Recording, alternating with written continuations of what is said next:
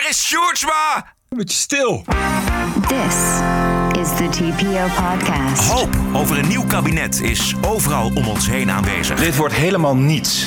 De grote verdwijntruc van Democraten 66. Waar is de heer Sjoelsma? Waarom komt de heer Sjoelsma hier zelf niet vertellen wat hij heeft gedaan?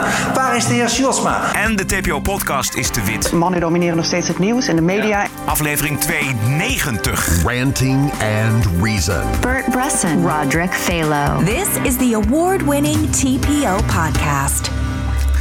Good morning, Bert. Good morning. Hoe is het op La Palma? Eh, ik geloof dat de vulkaan eigenlijk al eh, tijdje stabiel is. Wat verder niet zoveel zegt, anders dan dat hij niet meer hele grote extra uitbraken doet. Maar eh, voor de rest eh, is het nog eh, heel lang wachten, schijnt. Oké, maar hij pruttelt een beetje. Kan je het zo samenvatten? Nee, pruttelt wel hard. Oké. Maar ook niet, het is geen, ja, ze noemen het stabiel. Ik weet wel niet wat dat betekent. Maar Ja, dan, er is mee te leven, misschien. is, ja, nou ja, Althans, zoals aan jouw nu is kant. wel, ja. Ja, ja. En mijn kant sowieso. Ja. Goed, vrijdagochtend 8 oktober. Even misschien beginnen met de aantallen Afghaanse vluchtelingen die Nederland gaat evacueren en huisvesten in Nederland. Eh, staatssecretaris Boekers Knol die had zaterdag tegen het AD gezegd dat er misschien wel 100.000 zouden zijn. Zij kwam met cijfers en een rekensom van het ministerie eh, van Justitie. Woedende Kamerleden zaterdag op Twitter en zondag alweer excuses van het ministerie en de staatssecretaris. Woensdag, afgelopen woensdag een debat. Kamerleden nog steeds woedend. Broekers Knol 100.000 keer door de knieën. Voor elke vluchteling één. Volkskrant donderdag verhaal over de eerste doden onder de achterblijvers. En kolonisten Chital Singh en Heijmans op de emo-tour. En de verwijten dat we een knetterverwend landje zijn dat niet eens 40 miljoen Afghanen wil opnemen. Want Och, och, och, om met Kati. Piri van de Partij van de Arbeid te spreken. Er mag niet over aantallen gesproken worden, want dat is onmenselijk en niet inclusief. Canada, het land van de grote deugdleider Justin Trudeau, doet wel aan aantallen, namelijk 40.000 max. En Canada is 240 keer groter, 150 keer leger dan Nederland en heeft de asielprocedure wel op orde. Niemand durft te regeren. Nee, dat klopt. Eh, het was natuurlijk zo dat Broekers Knol eh 100.000 had gezegd in totaal. En dat klopte dan niet, want er kwamen meteen eh, asielorganisaties en weet ik veel wat voor NGO's vertellen dat er veel minder zijn. Alsof dat klopt. Alsof dat klopt. Maar goed, dan kun je dus nog zeggen: oké, ja, 100.000 eh, weet ik dan niet zeker, klopt dan niet. Maar ja, toen. eh, Hoeveel dan wel? week- ja, hoeveel dan wel? Ja, dan is het ineens zijn het heel weinig. En dan wordt het er kort daarna toch maar weer iets meer. Hoe dan ook, bleek van de week dat Broekers Knol bij helemaal niemand goed kan doen. Want de PVV was ook weer tegen Broekers Knol, omdat ze excuses had aangeboden. Ja. Dus nu is iedereen tegen Broeksknol. Want als je zegt 100.000, dan is dat foei. Dat mag niet te veel. Maar als je zegt, oh sorry dat ik 100.000 heb gezegd, dan is het aan de andere kant ook weer foei. Je moet voet bij stuk houden. En dat de oppositie dit doet, oké, daar kan ik me nog wel iets bij voorstellen. Maar dat de journalistiek niet gewoon basale vragen stelt als... oké, dat zijn dus blijkbaar de getallen die het ministerie heeft. Klopt dit en zijn we daarop voorbereid? Nee, daarmee speelt ze de PVV in de kaart. Want dat willen we niet. Die gedachte willen we niet dat het er 100.000 zijn. Stel dat het er wel 100.000 zijn. Wat gaan we doen dan? Eh, nou ja, ik zag op, op geen stel een mooie lijst van BN'ers... die een paar jaar geleden een groot manifest in de landelijke couranten hebben ondertekend... voor een hartverwarmende, tolerante eh, opvang voor asielzoekers. Er staan toch eh, eh, mooie, mooie namen staan erbij. Ik denk dat toch maar eerst eens aan die mensen moeten vragen... of zij nog steeds erachter als Ja. zij opvang willen bieden. Ja. Want het waren toch een paar honderd namen. Dan zijn we toch een paar honderd eh, mensen verder. En ik vind dat het wel een, een beetje een keer tijd wordt dat we die mensen eens een keer laten spreken. Na al die jaren waarin we elke keer dat soort mensen als eerste moeten laten, hoor, laten horen hoe belangrijk ze dat vinden. Ik vind ik dat we daar eerst maar, dan eerst maar eens naar, moeten gaan kijken. Ja, hoeveel, wensen- mogelijkheden, hoeveel mogelijkheden die mensen dan ook willen bieden. Precies. En de wensen van die BN'ers ook eens een keer inwilligen. Want dat is iets wat ze nou al jaren roepen. Daar, daar mis ik ook een beetje de journalistiek. En ik denk, er is toch wel één medium wat, wat dan een keer, eh, al was het maar Pownet of Wakker Nederland of zo, dat dan eens een keer een reporter langs wat van die huizen kan sturen en daar aanbellen Ja. en zeggen van hoe zit dat? Ja. Ik heb hier met wat Afghanen halen. En dan neem je wat Afghaanse tolken mee. En zeg je, nou, hier heb je Ahmed en Mohammed. Die willen een kamer. Hier zijn ze. Hier zijn ze. Ja. Caries. Ja, precies. Nou goed. Het was wel best wel leuk deze week in Den Haag. Het ging natuurlijk ook over de formatie. En Pieter Ja. Omtzigt, die mag dan eh, die hele formatie tot nu toe voor een groot gedeelte thuis hebben gadegeslagen. Heeft het allemaal wel goed gezien. Deze formatie ging over heel veel zaken die niets van doen hebben met de ernstige problemen van Nederland. Het is knap van informateur Remkes dat hij deze partij tot de orde heeft kunnen roepen en ergens door heeft kunnen dwingen. Maar dit wordt helemaal niets. Het heeft uh, Omtzigt goed gezien. Want het ging natuurlijk over die, al die persoonlijke veters die al spelen tussen Rutte en Kaag, tussen Kaag en de ChristenUnie, et cetera. We zagen ook Sophie Hermans, fractievoorzitter van de VVD, of waarnemend fractievoorzitter. Ja. We konden nu eindelijk zien hoe zij debatteert. En dit was het debat tussen haar en Pieter Omtzigt over de toeslagenaffaire. Alle beloftes die gedaan zijn vanaf 15 januari zijn niet nagekomen. En ik vraag de VVD: is er een belofte die ik gemist heb over de nieuwe bestuurscultuur, die wel is nagekomen door dit kabinet? Goeie vraag. Mevrouw Hermans. Voorzitter, zoals ik net ook zei, de beloftes en toezeggingen die zijn gedaan in die brief uh, waar uh, de heer Omtzigt nu ook uit citeert, of hij noemt een aantal voorbeelden, toezeggingen die daar gedaan zijn. Uh, daarvan vindt ook de VVD-fractie dat die moeten worden, moeten worden nagekomen. Ja.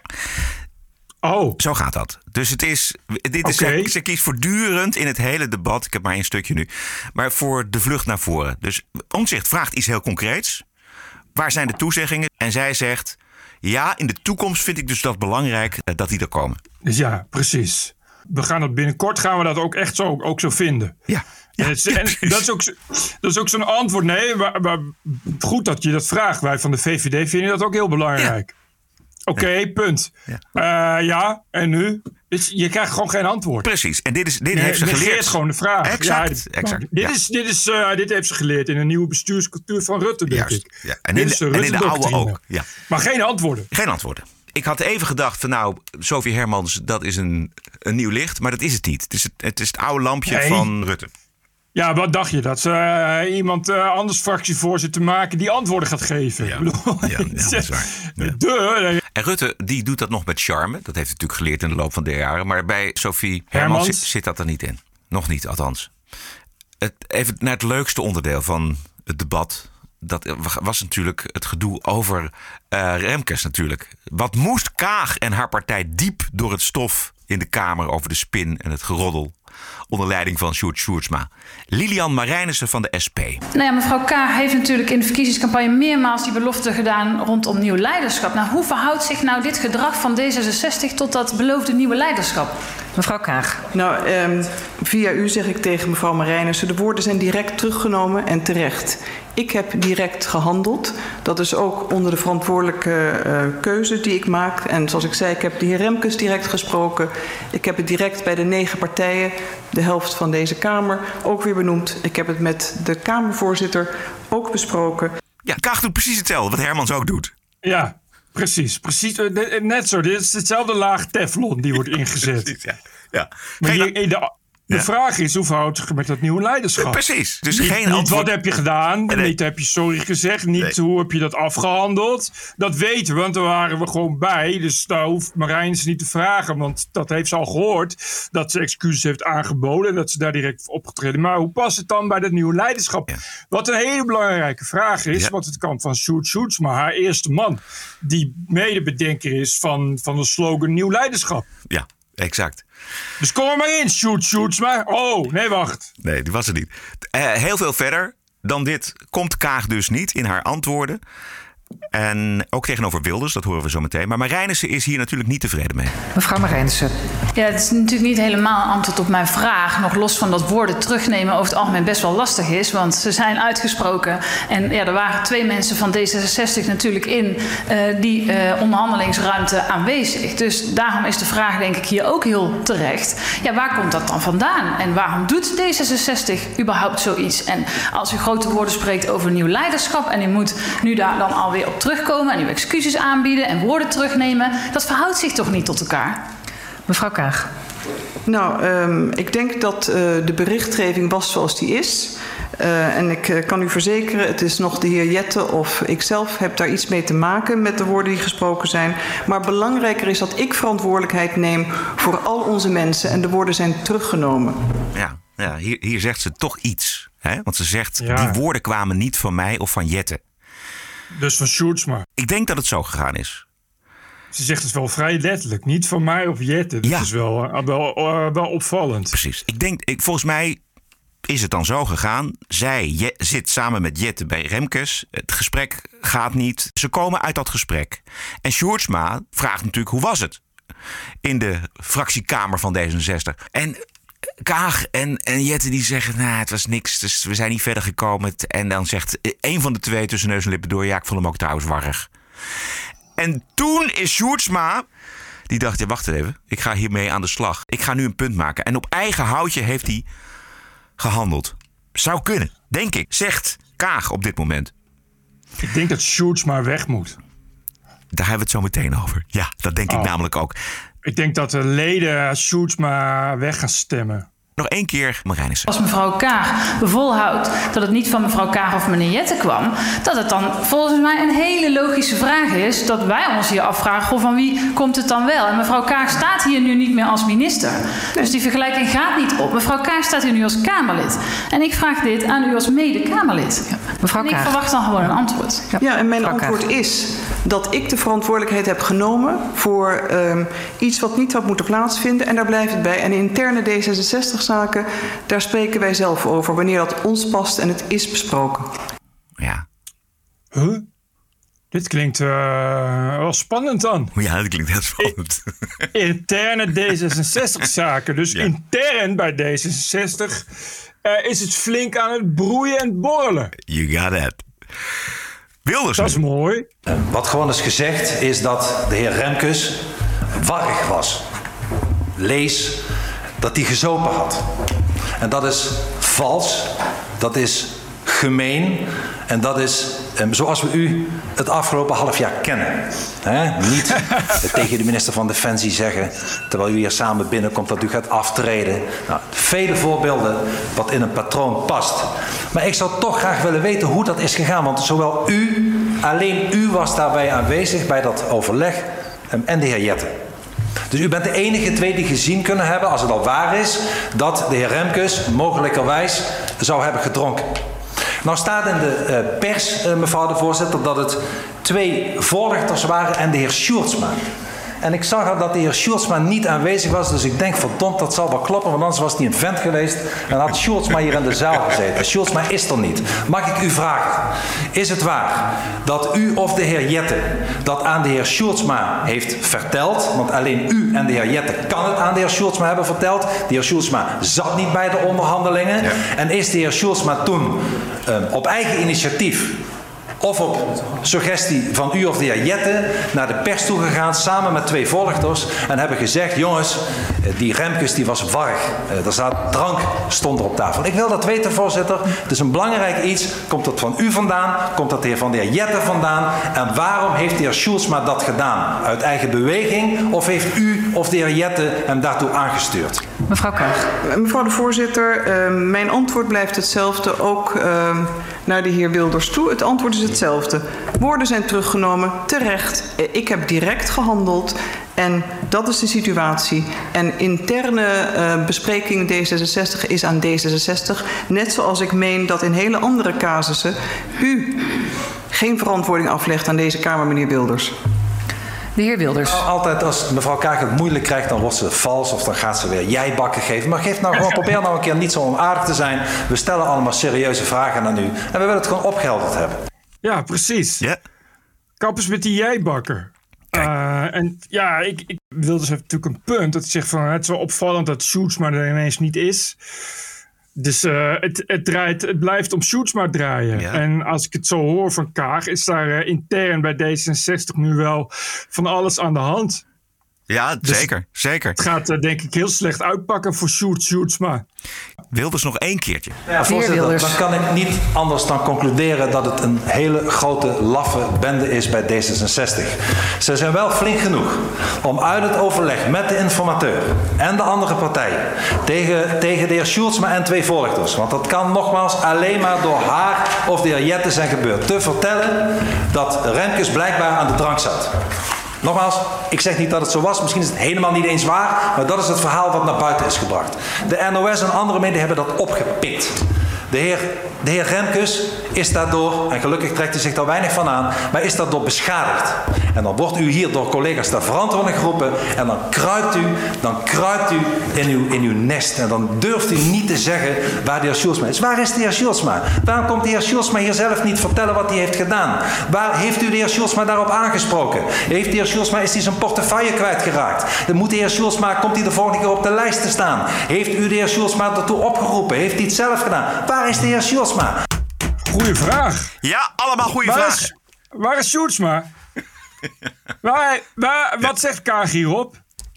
Nee, Die Kaag- geeft gewoon weer hetzelfde antwoord. Precies, telkens. die blijft, die blijft bij wat ze zegt en, dat- en daarmee uit. Maar dat het hommeles is in die fractie van D66, dat is wel duidelijk. Nou, dat eh, is wel heel duidelijk zo, ja.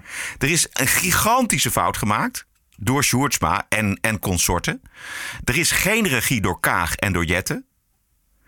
Er is verontwaardiging en schaamte bij de achterban. Bij Boris van der Ham, Terlouw, Tom de Graaf. Die schamen zich kapot over hoe het hier gegaan is. En Sjoerdsma, ja... Die, zit ziek thuis. Die zit ziek thuis, maar die zit ook op de wip. Nee, nee, dit is. eh, dit is eh, eigenlijk kunnen we deze aflevering wel het Auf Wiedersehen Shoot Shootsma aflevering noemen. Ja. Alvast, want dat eh, komt niet meer goed. Caroline van der Plas van de BBB. Mevrouw van der Plas. Nou ja, dan tot slot een eh, vraag. Is het mogelijk dat de mensen die hierbij betrokken zijn, hè, bij die, die, die, die roddel en achterklap, is het mogelijk dat deze mensen straks eh, bewindspersonen worden? Is dat mogelijk voor mevrouw Kaag en D66? Mevrouw Kaag. Nou, ik ga hier gewoon eh, ten principale op dit moment niet op in, want dan ga ik al vooruitlopen op een uitkomst waarvan ik zal het zo benoemen, ook niet weet of we er gaan komen. Ik wil het eerst graag hebben over het proces. Mevrouw van der Plas. U sluit het dus niet uit dat deze mensen gewoon een ministerspost kunnen krijgen of een staatssecretarispost? Ik doe dat eh, uit principe op dit moment niet. Het is duidelijk dat daar inderdaad van alles speelt en dat Kaag daar dus nu niets over kan zeggen. Maar luister, als deze formatie lukt en D66 komt in de regering, dan wil Sjoerdsma... wel steeds kleiner, hè? Ja, het, ook dat nog. Maar dan, stel dat dat wel doorgang vindt, dan is Sjoerdsma natuurlijk, die zou graag een ministerspost krijgen. Daar is hij inmiddels rijp voor, zou Ja, je kunnen zeggen, in zijn carrière. Maar dat kan niet, want dat vertrouwen Nee, dat heeft kan- hij niet in de Kamer. Bovendien, eh, dit is hoe het werkt in de politiek en al helemaal bij D66. Het is eh, gewoon Darwinisme. Sjoerdsma is nu. In, de, ja, in de kudde kalfjes het lamme kalfje. Dus dat betekent dat eh, de tijger als eerste op Sjoerdsma gaat springen, zodat de andere kalfjes snel verder kunnen rennen. Op de apenrots van D66 gaat iedereen nu proberen Sjoerdsma voor de tram te duwen en mes in zijn rug te steken. Want Sjoerdsma weg betekent een kans voor iemand anders. Ja. En eh, hij is zo aangeschoten dat dat gaat lukken. Dus dat, eh, dat kan niet vergeten. Jammer zeg, Sjoerdsma. Jeetje. Het zal wel pijnlijk zijn. Een hele leven als keurige diplomaat bedragen. Alles eraan gedaan om op een top te deugen. Echt alles gegeven. Topsport. Alles voor de carrière. Echt heel kut voor je. Maar eigen schuld, dikke bult, want hoogmoed Ja. komt voor de val. Ja, maar goed, dat is het spel. We zijn nog niet helemaal klaar met D66. The award winning TPO podcast.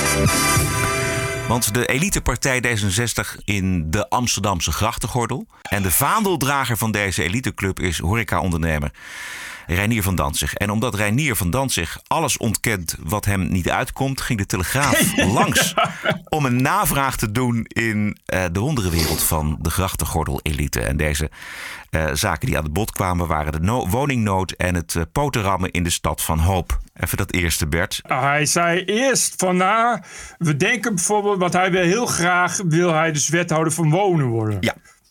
Die post is nu in handen van de SP. Dus dat bevalt hem als sociaal-liberaal totaal niet. En hij wil uh, dus inderdaad, als we maar heel veel gaan bouwen, heel snel in de haven en dat soort dingen. Uh, een beetje grond onteigenen. Je kent het allemaal wel. En uh, minder winstvraag als gemeente. Dan komt het allemaal goed. En de vraag van die verslaggever was van... Uh, wat wil je gaan bouwen dan? Nou ja, dus inderdaad, dan denkt hij aan flatjes van 60 vierkante meter. 350.000 euro per stuk. Nou, klinkt nog... 350.000 euro in Amsterdam is niks. Dus die, die interview zei: Oké, maar je kan toch niet. Want het, het, gaat natuurlijk om, vaak om mensen met grote gezinnen. Ja. Die kun je toch niet op 60 vierkante meter dan laten wonen? Nee, maar dan moet je dus. Hij werd kennelijk overvallen door die vraag. Dus dan moet je slim bouwen. En dan een gezamenlijke keuken en gezamenlijk douchen. Wat natuurlijk echt een soort, soort, soort, soort 1950 crypto-communistische woonkazerne is of zo. Ja. Want dat slaat toch nergens op? Dus dan, je kan toch niet 350.000 euro eisen en dan heb je geen eigen keuken en geen eigen douche? Ja. Het erg is dat er natuurlijk helemaal geen oplossing is. Ja. Omdat die markt is gewoon die markt. Dus dan kom je dus inderdaad, dan kom je dus, dus wat Reinier van Dant zich voorstelt, zijn een soort, zijn een soort containerwoningen voor studenten. Die leven dan ook gezamenlijk met een gezamenlijke keuken en dat soort dingen. Maar dan voor 350.000 euro. Wat natuurlijk niemand gaat kopen. Ja. En niemand wil voor 350.000 euro in een unit wonen. waar ze samen met andere gezinnen met heel veel kinderen. uh, moeten douchen en koken. Want ze zijn geen studenten meer. Dus er is gewoon geen, er is gewoon geen oplossing. En dat is het probleem. En Ranier van Dansk wil zo graag wethouder van wonen worden. dat hij gaat roepen: nee, wij hebben de oplossing. Ja. En dan is de vraag: wat is dan die oplossing? En dan komt hij met onzin. Uh, ander onderdeel in het interview in de Telegraaf was het potenrammen in de hoofdstad. Ja. Dat wordt uh, volgens hem veroorzaakt door jongeren uit uh, Urk die naar Amsterdam komen en uh, hier aan het potenrammen slaan. In honderdduizenden rapporten geven homo's aan door allochtone islamitische jongeren in elkaar geslagen te worden en uitgescholden te worden. Maar ja, dat komt niet uit. Tenenkrommend interview. Ja. Want die, die verslaggever zei dus inderdaad van... nou ja, ja wil een, je wil een tolerante stad van iedereen... maar qua, homo, qua geweld tegen homo's gaat het niet zo goed. En er is onlangs dus een rapport verschenen... notabene op verzoek van GroenLinks... waaruit kwam dat de mensen die slachtoffer zijn... toch vooral het idee hebben dat het uit allochtone hoek komt. Ja. Dus het was natuurlijk een schot voor open doel voor de Telegraaf... om te zeggen uit welke hoek komt dat dan? Ja, en D66 weigert dat gewoon te zeggen. En omdat ze dat niet mogen van hun principes, terwijl iedereen het wel weet. En dan moet je er dus omheen draaien. En dan krijg je dus ja en Urk dan. Ja. Wat echt qua boterham helemaal nergens op slaat. Want dat, de, de reactie van de Telegraaf was ook van... ja, hoezo Urk dan? Hebben we daar recent verhalen gehoord van... dat er homo's in elkaar zijn geslagen? Nee, en daar kwam de reactie van Renier van Danzig. Ja, maar daar liepen laatst jongeren in nazi-uniform. Ja. Wat echt helemaal niets te maken heeft met, met geweld tegen homo's. En dan ga je dus uh, zien hoe, hoe treurig en diep dat gekronkel is... om dingen maar niet te hoeven ja. benoemen. Ja. En dat wordt echt zo potsierlijk. Ja, dat iedereen daar uiteindelijk misselijk van wordt. Ik had er op geen stel een stukje van gemaakt. En ik zag in de comments mensen die lieten ook gewoon een link zien. Uh, van mensen die, die zeiden: Nou, ik ben dus van Amsterdam naar Urk verhuisd. Omdat ik homo ben. En heel gek. In Urk voel ik me veiliger dan in Amsterdam. Ja. Het is natuurlijk. Urk heeft natuurlijk helemaal niets te maken met Poteram. Dat is de meest, meest debiele vergelijking die je kan maken. Zeg dan niks. Nee, maar ze liegen omdat het in hun ideologische straatje niet uitkomt. Dat is dus het probleem. Ze kunnen het niet zeggen en dat ga je zien en dat ga je voelen. En dat maakt het allemaal verschrikkelijk lelijk. En dat is echt een heel groot probleem voor dit soort partijen. En dat uh, is natuurlijk dus ook koren op de molen voor, voor rechts en rechtspopulisten en ook linkspopulisten. Omdat die het wel kunnen zeggen. Dus als de vraag is hoe dat toch komt dat uh, uh, Nederland dan rechts stemt en populist, dan is dat een van de dingen. Ja, precies. Nee, om met Pieter Omzicht te spreken. Dit wordt helemaal niets. ja, precies. Ik hoorde van bronnen ook al dat uh, Pieter Omtzigt, uh, of uh, Pieter Omtzigt Reinier van Danzicht op de Stopera inderdaad al de kop van Jut was. En de hele tijd werd er naar hem gegniffeld en omgegniffeld en werden er memes gedeeld. en is hij al enige tijd, zeker nu weer sinds het interview in de Telegraaf, toch een beetje, ja, de lul. De wandelende flapdrol. Ja. Uh, dat is toch een beetje, een beetje wat je krijgt daarvan. Ik vond het al zo opvallend dat hij uh, toestemde in een interview met de Telegraaf. Ja, was misschien niet handig. was misschien handiger geweest als hij zich daarop voor had bereid. Ja. Die Telegraaf die deed namelijk, die stelde namelijk vragen waarvan je echt dacht, ja, die had je van tevoren aan kunnen zien komen. Ja, en ik vond de antwoorden heel kort. Dat kan aan het redigeren van het interview liggen, maar het kan ook iets, een vervelende sfeer zijn geweest. Dat hij dacht van, oh jee, fuck, waar gaan, waar gaan we heen in dit interview? Ik had inderdaad het idee dat die antwoorden echt uit paniek kwamen. Dat, zich, dat hij zich er helemaal niet op had voorbereid. Nee. Wat ik me ook niet echt kan voorstellen, maar zo leek het wel inderdaad. Het waren echt hele domme antwoorden. En die Urk-vergelijking was echt, echt Ach, onvoorstelbaar dom. Ja. Je, je kan, als je dat dus wil ontkennen, dat is wat ik zeg, dan moet je daar, maak je dan iets diplomatieks van. Of zeg dan van ja, natuurlijk is het een probleem uit een bepaalde hoek. Uh, want het is nou eenmaal Amsterdam, dus weet je, je kan daar van alles op spinnen. Maar zeg dan niet, zeg dan niet dit. Zeg dan niet ja en Urk dan. Want het is gewoon, dat is, daar trapt niemand in. En, en ik vond ja, die verslaggever die, die kon, kon zo makkelijk scoren. Ja. Ja, het was een grote hit, uh, moet ik zeggen. Het is een mooie actie Ja. voor de Telegraaf. Ja. Oké. Zielig voor Ranier van Danzig. Heel zielig. Dat zal er nog heel lang... Zegt hij. Nee, dat zal er nog heel lang bij blijven. TPO Podcast. Grote ergernis over het toelaten van omroep Ongehoord Nederland van boze witte man Arnold Karskens. Het zuurste hoofd deze week in NRC Handelsblad was dat van Jan van Groesen, journalist en voorzitter van de stichting Media Ombudsman Nederland. Zuurmans van Groesen, die begint zijn tirade tegen Ongehoord Nederland als volgt. Klein stukje.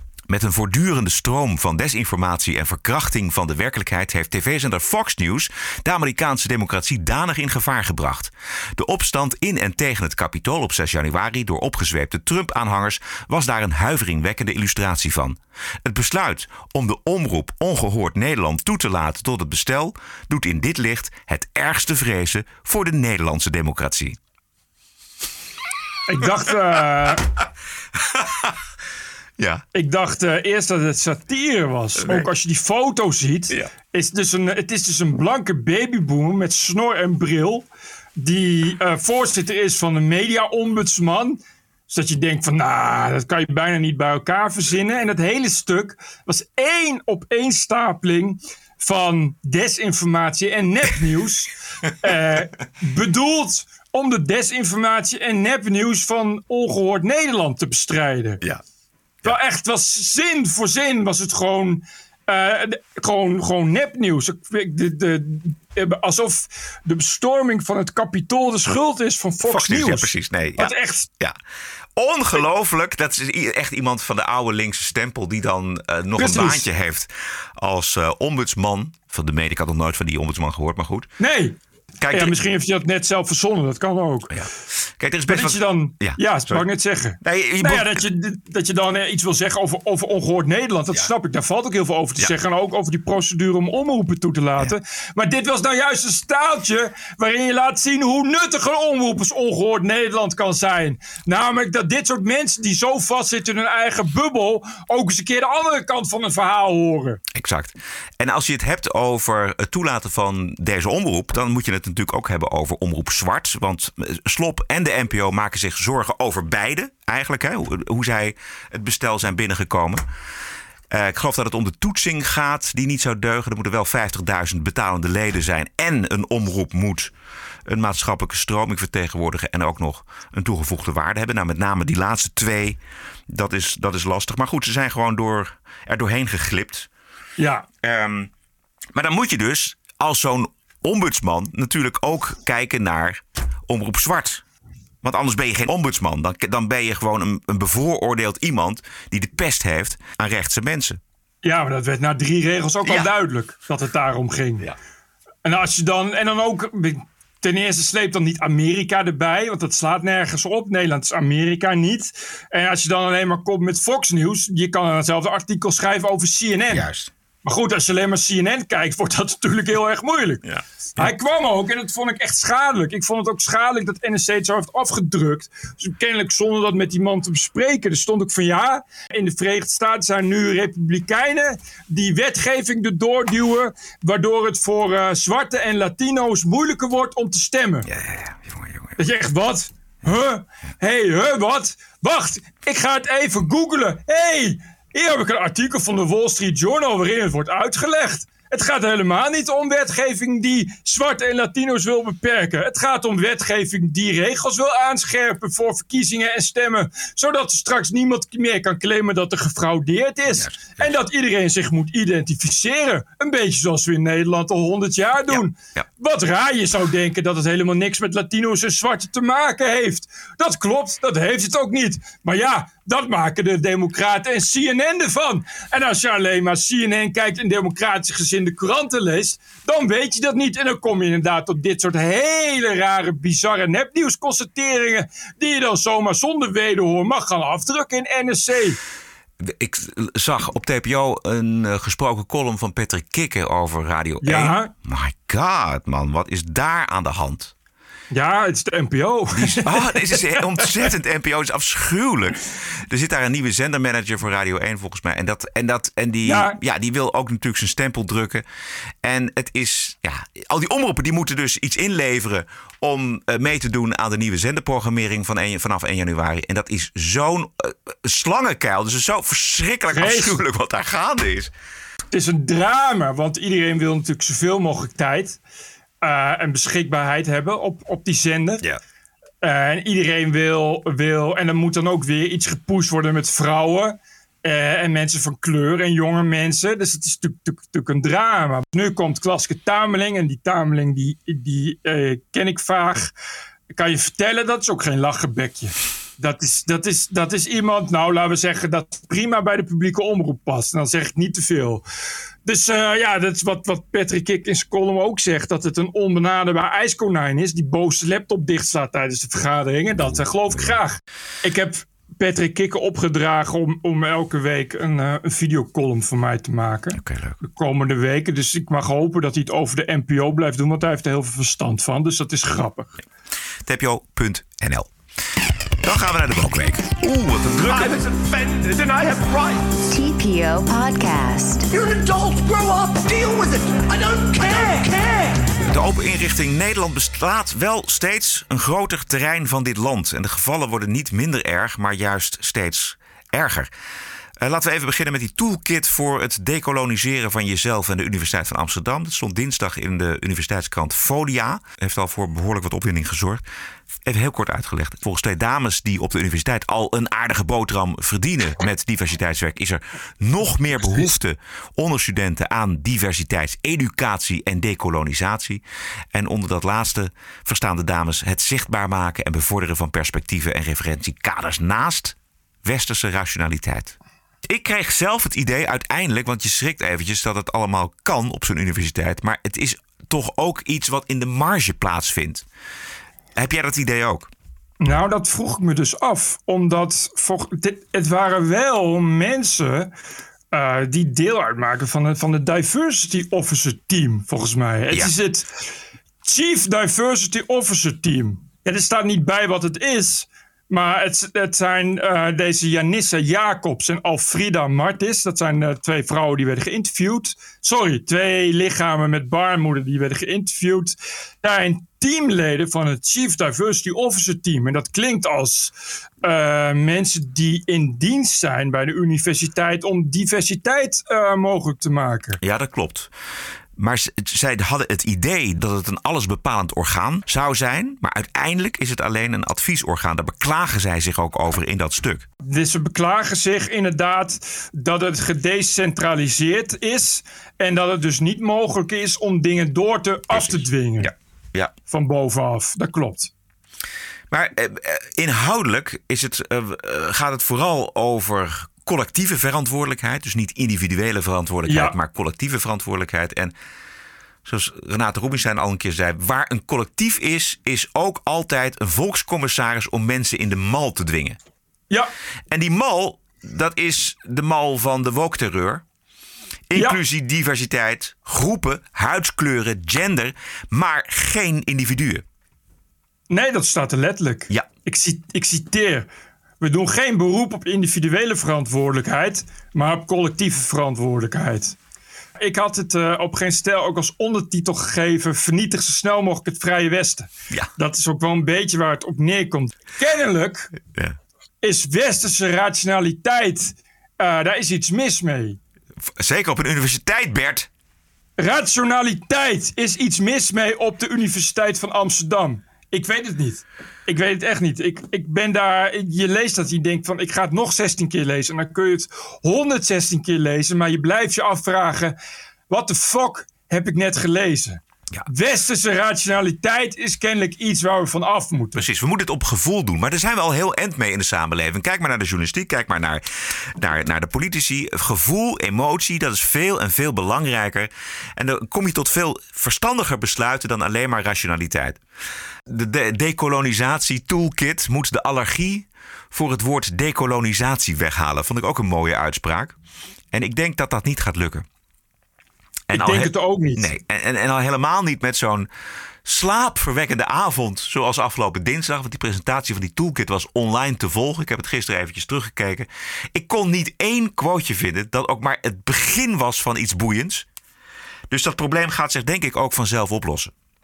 Uh, ja, terwijl ze toch zeggen dat ze zelf uh, al drie jaar volgeboekte diversiteitscursussen ja, hebben. Ja, ja, maar dat is, dat is volgens mij een, een, een self-fulfilling prophecy. Want als je kunt aantonen ja, namelijk van dat, je, dat er behoefte aan je is... dan krijg je weer een slootsubsidie en dan kun je weer aan de slag, kun je weer verder. En dat doen al die diversiteitsbureautjes. Daarom ook heet het de diversiteitsindustrie. Er is daar, wordt daar enorm veel geld, belastinggeld verdiend. Ja, terwijl deze vrouwtjes toch uh, aanmoedigen om diversiteitsworkshops te verplichten. Ja.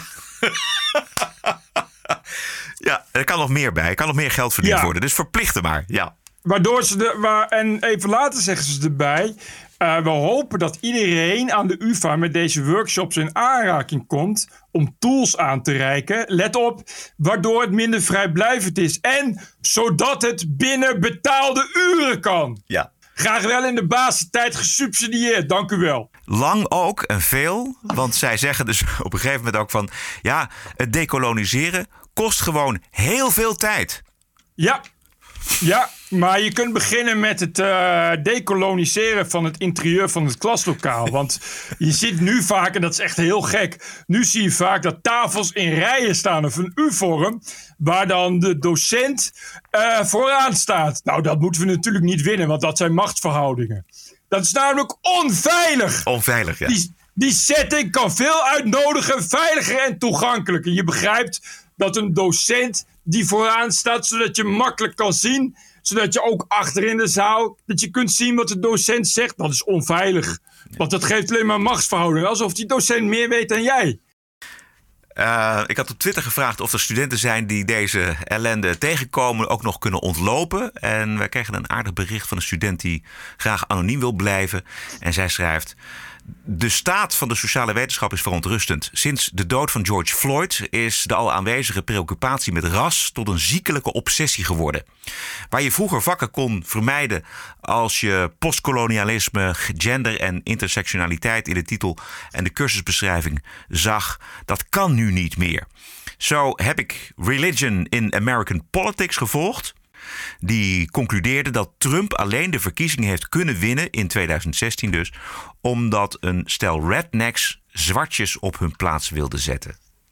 Studenten die krijgen een opleiding tot beroepsactivist. Sociale wetenschap is geen wetenschap. Het is een kliek die zichzelf beschermt, zodat het door kan gaan met het binnenharken van belastinggeld.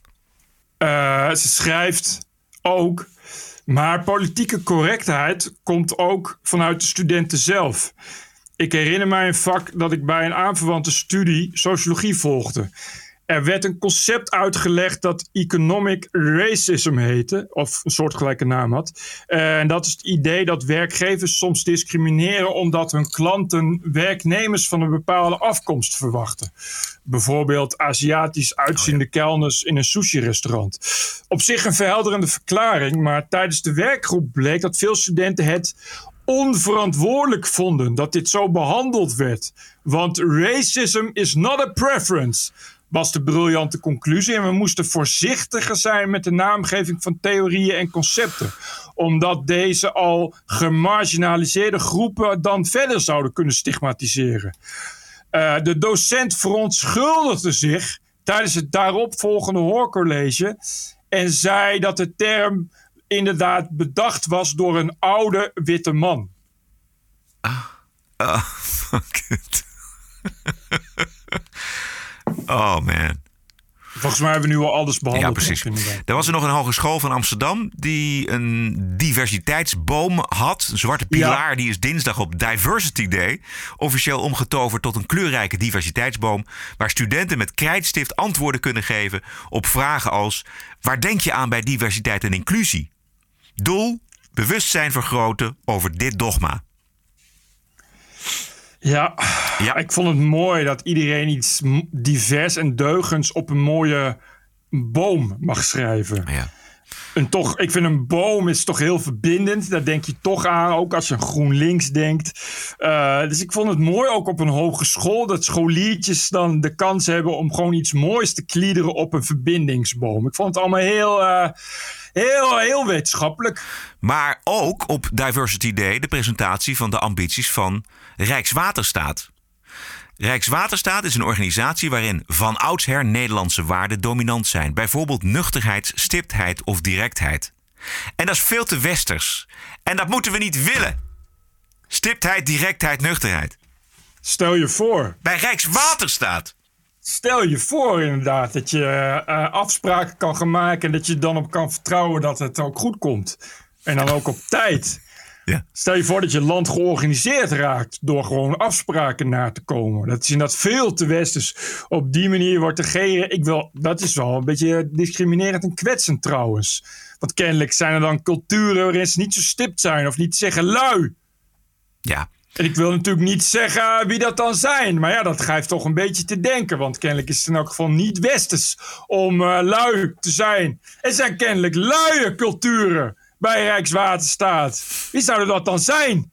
Als we het zo gaan spelen, dan wordt het wel een probleem natuurlijk. Ja, precies. Als, dat, als nuchterheid, stiptheid en directheid het probleem is, dan, dan zijn er dus blijkbaar mensen binnen de organisatie die dat helemaal niet zijn. En dan kun je maar beter je waarden aanpassen dan uh, die mensen een cursus nuchterheid, stiptheid en directheid geven. Rijkswaterstaat wil dat iedereen binnen de organisatie weet wat inclusie is en waarom het belangrijk is. Dit, is, dit, dit zijn de rode boekjes van, van Mao. We willen toewerken naar een inclusieve organisatie. En daarom moeten we inclusie, het is een middel om bewustwording te vergroten en daarmee toe te werken naar een meer inclusieve organisatie. Goed zo, Rijkswaterstaat. Dit is veel belangrijker dan wegen juist, en zo. Juist, dat is, dat is steeds. En daarom hebben we het erover, omdat inclusie en diversiteit bovenaan het lijstje staat. Steeds, voortdurend. Ja, heel goed. Op diversie en inclusiviteit kunnen treinen ook rijden. En boten ook varen. En auto's ook rijden. Ja. Of zoiets. Ja. Je betaalt je belastinggeld niet voor niks. Maar ik was dat nog iets raars aan. Aan het verhaal van Rijkswaterstaat. Want Eh, Met een migratieachtergrond, schrijven zij, bedoelen we medewerkers met een niet-westerse achtergrond. En dat zijn mensen met een migratieachtergrond uit een van de landen uit Afrika, Latijns-Amerika en Azië. En let op, tussen haakjes, exclusief Indonesië en Japan. Wat de hel? Wat is dit nou weer Ja. voor, een, voor een uitsluitingsmechanisme? Ja, precies. Worden hier soms, soms eh, Aziaten gediscrimineerd? Worden hier soms Japanners gestigmatiseerd? Maar er wordt dus een, een inclusief, divers beleid gepresenteerd. En daarin zit weer de uitsluiting. Namelijk Indonesië, mensen uit Indonesië en Japan, die doen niet mee. Die horen daar niet bij. Dus Indo's en Japanners, die, eh, die zijn net zo gemeen als blanke Westerse Juist, of zo. ja. Ja. Goh, wat zullen ze leuk vinden. Zeker in Japan. Ik heb niet het idee dat er heel veel Japanners werken bij Rijkswaterstaat of Indonesiërs. Maar goed. De hele gedachte is inconsequent en broddelwerk. Het is schandalig dat dit bij Rijkswaterstaat gebeurt überhaupt. Dat ze pleiten voor diversiteit en inclusie en ze sluiten mensen uit Indonesië en Japan gewoon uit. Ik zou echt een klacht indienen. Nu we toch in Den Haag zijn, om de hoek daar, de gemeente Den Haag, die spreekt zijn ambtenaren aan op het gebruik van genderneutraal taalgebruik. Dat moet. Het is niet langer wenselijk om beste meneer, beste mevrouw of geachte dames en heren te zeggen. Dat moet allemaal inclusief. Is een opdracht van de gemeente Den Haag aan de ambtenaren. Net als hier in Amsterdam gebeurd is. Het moet zijn beste lezer, beste collega, beste stadsgenoten. En wie het durft om nu nog beste meneer, beste mevrouw of geachte dames en heren te zeggen, die krijgt met het rode boekje van de gemeente Den Haag. Ja, er komt een eh, taalpolitie, gaat erop controleren, denk ik. Ja. Eh, en er is gewoon dus weer een taalgids, nu ook in Den Haag. Dus het gaat hard met het eh, aanpassen van de werkelijkheid aan het woke-denken. Het begint allemaal met taal, want taal is schijnlijk heel belangrijk. Want woorden doen er ook toe. Eh, dus dat wordt als eerste ingeperkt. Dus je zult zien dat binnen een paar jaar dat gewoon landelijk beleid is.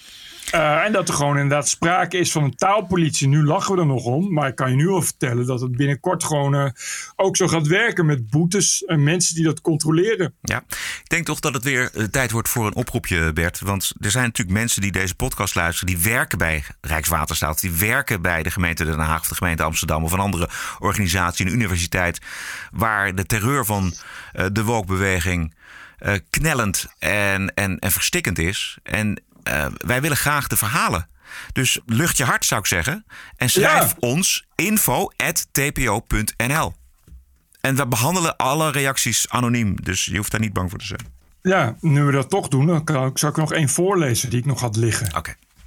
Dat heeft niets met de overheid te maken. Alhoewel wel met een universiteit. Dus Eh, als jullie na het succes van de afgelopen eh, pubquiz de smaak te pakken hebben gekregen, dan kunnen jullie nu naar een nieuw event. Want de Technische Universiteit Eindhoven organiseert op 11 oktober de Diversity Pubquiz. En dat is in het kader van de jaarlijks terugkerende Technische Universiteit Eindhoven Diversity Week. Deze inzender schrijft: Ik heb vorig jaar een sessie van de Diversity Day bijgewoond. En dat was een sessie waar ook Jerry Afri aanwezig Ah, ja, was. ja. Ja, goed. En toen kwam de rector van de Technische Universiteit. eh, die eiste dat er een quotum zou komen voor mensen met een andere kleur. Het waren bizarre taferelen. En dat allemaal voor een universiteit die zich hoofdzakelijk met technologie en de toepassingen ervan bezighoudt. Dit was een inzending. We zijn dankbaar voor dit soort inzendingen. Ja, ja. Het is nog veel erger, dus wij horen dat allemaal heel graag. Schrijven naar info.tpo.nl. Ik heb nog één dingetje. Ehm, AD, het AD heeft een nieuwe columnist en een podcaster. En haar naam is Debbie Gerritsen. En zij werd Oh, met ja. nogal wat toeters en bellen gepresenteerd op de website van het Algemeen Dagblad. Welkom Debbie. Ja, je gaat een vrouwelijke blik, met een vrouwelijke blik naar de actualiteit kijken. Wat bedoel je daar precies mee?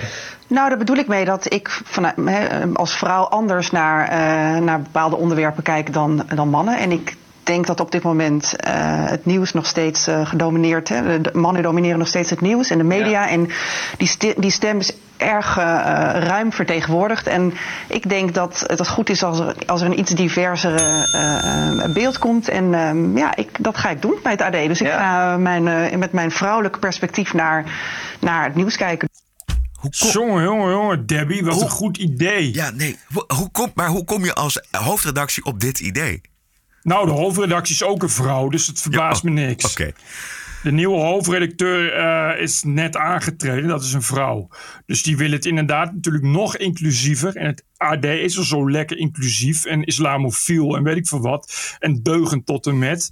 Dus uh, ja, dan uh, is Debbie Gerritsen natuurlijk een goed idee. Die is altijd bereid om te vertellen dat ze naar de wereld beschouwt door een vrouwelijke bril. Maar wat is er voor waanzin, man? Wat is de boel? Natuurlijk is dat waanzin. Het is onvoorstelbaar. We hebben geweldige vrouwelijke verslaggevers in heel Nederland en geweldige vrouwelijke columnisten. En die kunnen dat blijkbaar niet. Het probleem is dat het AD dus steeds meer uh, leunt op verkopen. en vooral online door, door ja, weet je, eigenlijk hetzelfde als RTL Nieuws. Door vooral inderdaad te voldoen aan de wookbehoeften en de deugbehoeften. Ja, ja, ja. Want dat, dat scoort. Dat is het natuurlijk. Dat scoort je. Het is een, een, een, een, doelgroep die, die moet worden vastgehouden door steeds meer in die richting, in die richting te buigen. En dan, ja, net als alle andere uh, journalistiek en net als alle andere media, moet de echte journalistiek dus het onderspit delven het AD grossiert in, in, uh, in slachtofferverhalen en, en huilende vrouwen. En, en uh, uh, over, over hoe je met geld moet omgaan. En leeftips. En, en AD komt ook elke jaar tijdens de Ramadan met een verslaggever oh, ja. die ook gaat vasten. En you name it. Ja. En dat wordt alleen maar erger. Dat was natuurlijk te verwachten als je, als je vrouw was. Niet alleen als je vrouw als hoofdredacteur. Maar daarom werd die vrouw ook hoofdredacteur. Omdat je wist dat zij dat allemaal zou gaan doen bedoel, wat zij moet, uh, hoe heet die, die die net oh, weg is, ja. die van NSC kwam opvolgen. Dus het gaat nog honderd keer erger worden. Commercieel gedacht. Commercieel, ja. Dit was de Wokweek? Ja, dit was de Wokweek al. What a woke week it was. This is the TPO podcast. Ik heb nog een bonusquote en ik heb nog een sportje. De TPO-podcast zit niet achter een betaalmuur. Hij is vrij verkrijgbaar, twee keer per week. Maar hij wordt niet kosteloos gemaakt. Er gaat tijd, liefde en noeste arbeid in. Dat geeft de podcast waarde. Hoeveel waarde? Dat bepaal jij.